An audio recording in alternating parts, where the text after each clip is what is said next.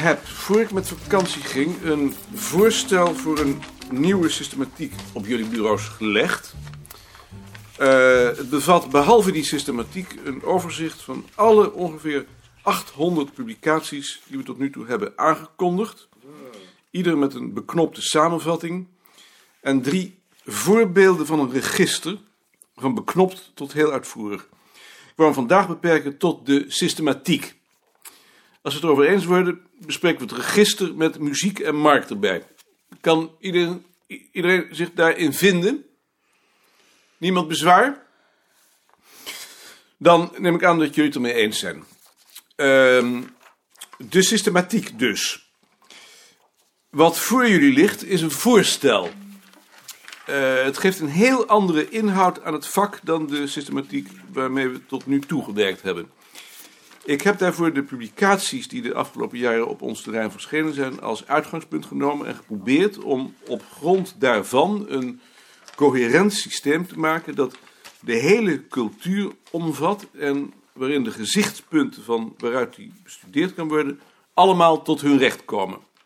Dus ook de gezichtspunten die intussen in mijn ogen verouderd zijn. Als het goed is, krijgt ons vak hiermee een volwaardige grondslag waaraan we ons bestaansrecht kunnen ontlenen. Met de vorige systematiek kon dat niet meer. Nou, ik stel voor dat we daar eerst in zijn algemeenheid over praten en vervolgens de punten waarop dit nieuwe systeem afwijkt van het oude stuk voor stuk behandelen. Waarbij natuurlijk ook nog aanvullingen mogelijk zijn. Ehm, wie wil wat zeggen over het voorstel in zijn algemeenheid? Niemand? Moet ik daaruit opmaken dat iedereen het met dit voorstel eens is? Ik dacht dat we hadden afgesproken dat wij de trefwoorden uit het systeem zouden halen en dat jij ze alleen op een rijtje zou zetten. Ja, maar toen ik een proef nam, merkte ik dat we dan vastliepen. Maar dat hadden we toch niet afgesproken? We hadden afgesproken dat er een eh, register zou komen. Ja, maar niet zoiets. We hadden het eerst moeten afspreken. Eh, wat hadden we dan moeten afspreken? We hebben niet afgesproken dat er een systematiek zou komen. Als je dat had voorgesteld, was ik tegen geweest. We moeten prioriteiten stellen. Het is een voorstel. Je kunt alsnog tegenstemmen. Ach, dan worden we toch gewoon plat geluld. Als jij zoiets voorstelt, dan druk je dat toch gewoon door. Hoe bedoel je? Ach, dat zegt toch helemaal niks, zo'n voorstel. We hadden eerst een principebeslissing moeten nemen. Nu zadel je ons gewoon weer op met een hoop werk waarom we niet gevraagd Ik hebben. zadel jullie helemaal niet met werk op.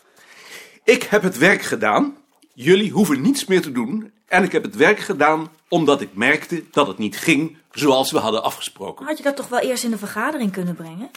Dat breng ik nu in de vergadering. Eerder kon niet, omdat ik in de verste verte niet wist of het me zou lukken. En als we nou eens tegen waren geweest? Waarom zou je tegen zijn geweest als ik het werk doe? Omdat we onderzoek moeten doen. We moeten prioriteiten stellen. Straks worden we opgeheven omdat we geen prioriteiten hebben gesteld.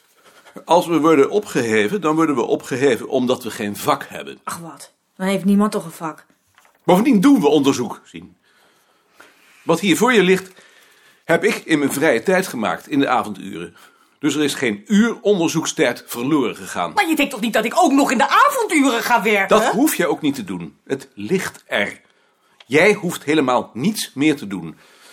Minder dan wanneer we een trefwoordenregister hadden gemaakt. Dan had je dat eerst ter discussie moeten stellen. Ik stel het nu ter discussie. Ja, nu! Nu we niet meer terug kunnen. Je kunt terug, het is een voorstel. Dat heb ik nergens gelezen dat het een voorstel is.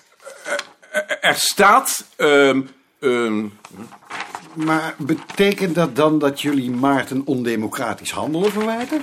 Eh, Hier staat het. hier staat het. Laat maar, interesseert me niet. Dan lijkt het me het beste dat we de vergadering maar opheffen.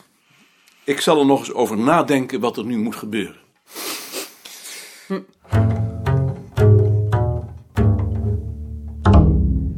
Begrijp jij hier iets van? Nee, ik begrijp er ook niets van. Terwijl ik God bid dat al het werk uit hun handen heb genomen. Het is Sien. Toen jij met vakantie was, is ze dagenlang bezig geweest Tjitske en Gert op te stoken. Is als de dood dat de tijd voor haar onderzoek in gedrang komt. Dat is verdomd stom. Als je werk geen grondslag heeft, dan valt er toch niets te onderzoeken. Dan heffen ze je gewoon op. Je moet maar eens met haar naar bed. Uh, Maar dat mag ik waarschijnlijk niet zeggen.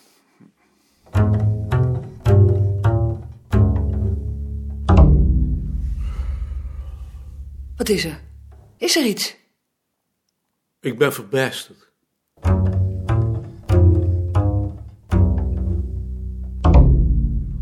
We hebben het er nog eens over gehad, maar als de anderen dat register niet willen maken, dan doet de documentatie het toch. Wie zijn dat? Lien en ik. Dat is heel aardig. Het is toch ons werk? Hoe hadden jullie dat dan voorgesteld? Nou, gewoon. Zeg jij.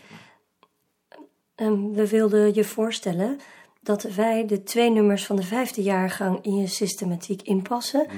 En dat we dan met jou bespreken wat we niet begrijpen. En de rest van de afdeling dan? Nou, die leggen we dan gewoon het resultaat nog eens voor. Dan kunnen ze kiezen wat ze het liefste hebben. Ik vind het een mooi voorstel. Mag ik er nog eens over denken? Eerste nummer van de vijfde jaargang is toch nog niet verschenen. Het, het is ook omdat we het jammer zouden vinden als je al dat werk voor niets had gedaan. Want het lijkt ons een mooie systematiek. Dat zou ik ook jammer vinden. Ik moet er alleen nog even over denken wat de consequenties zijn. Nou, dan gaan we maar weer. Dag Maarten. Dag Halt. Joop en Lien hebben aangeboden om het register af te maken. Dan heb je een meerderheid. Ja. Dus dan zou ik dat maar aannemen.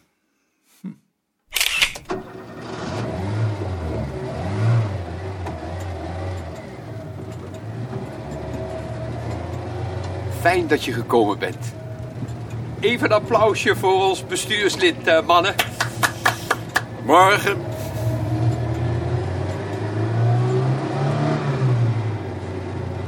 Stonden jullie er al lang? minuut of tien. Trein had vertraging. Dan nu rechts. Ja, meteen links. Hoe laat bent u nu opgestaan? Kwart over zes. Meneer Koning, die foto's die u toen samen met meneer Botermans in Zuid-Limburg hebt gemaakt, hebt u daar nog de gegevens van? Ik ben bezig ze in te schrijven. Heeft Botermans die niet? Hij zegt dat, dat u ze heeft. Ik dacht dat hij ze had. Maar ik zal eens kijken. Anders maak ik er wel wat van. Bent u nu nog alweer aan een nieuw boek begonnen? Dit boek is nog niet eens verschenen. Nee, maar het kon zijn. Hoe ver is het nou? We zijn bezig met het invoegen van de illustraties. Is dat leuk werk? Ik vind het wel leuk werk. Let op. Aan je rechterhand, achter de spoorlijn, het kasteel Biljoen. Je kunt nog net de toren zien. Daar weet jij nog wel een mooi volksverhaal over, niet Maarten? Mooi An van Biljoen. Dat is literatuur. Weet ik wel. Maar dat doet er toch niet toe, als het maar leuk is. Die juffrouw die al die mannen de vijver inlokt. Prachtig vind ik dat. Wat vond u nu het, het leukste aan het schrijven van dat boek? Het archiefonderzoek naar de 16e en 17e eeuwse kaarten. Ja, dat is mooi materiaal. Dat ook, maar, maar vooral omdat je je op zo'n archief zo veilig voelt. Je zit daar, je hebt een alibi, niemand die je wat kan maken. Daarop rust eigenlijk de hele wetenschap. En weer rechts, kasteel Middachten. Even wat langzamer, Piet. Dan kunnen we de oprijlaan inkijken. En nu direct rechts. En, wat zeggen jullie daarvan?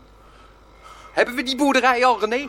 Ik zou het niet weten. Is het niet geweldig? Hoe oud zou die nou zijn, denk je?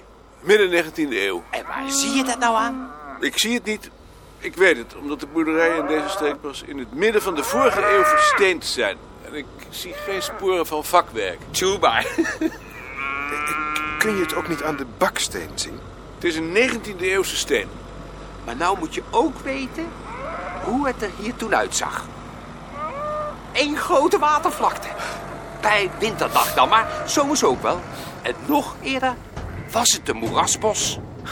Als we vanmiddag in het vragende veen zijn, moet je maar eens goed om je heen kijken. Dan kun je je daar nog een voorstelling van maken. Dat zijn dingen die moet je weten. Dan wordt het pas echt interessant. En hoe moesten die boeren dat dan doen? Nou, kijk maar eens naar die boerderij. Als je goed kijkt, zie je dat die Of een bult ligt. Zie je het? Nee. Ga dan eens op je hurken zitten.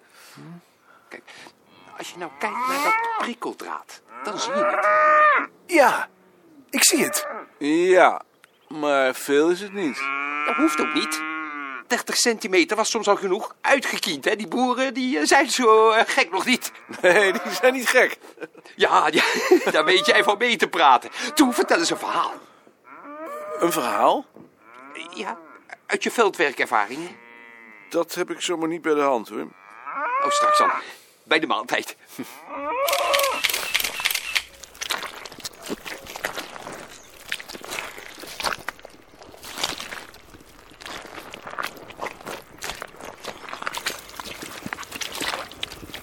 Het vragende veen is een zogenaamd komveen.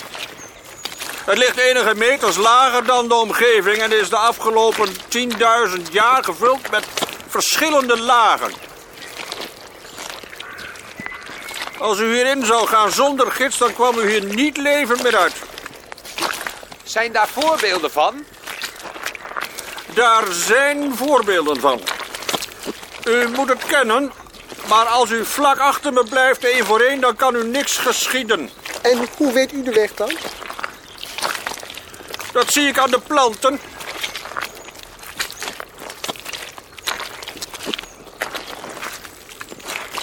Waar u nu loopt is veenmos.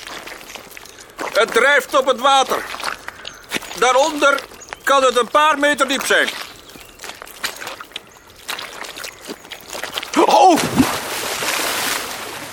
Daar heb ik u nu voor gewaarschuwd. Het veen had bijna een nieuw slachtoffer gemaakt. Bent u erg nat? Nogal, maar ik heb gelukkig nog een broek bij me. Had u hierop gerekend? Maarten. Je moet altijd overal rekening mee houden. U staat erop.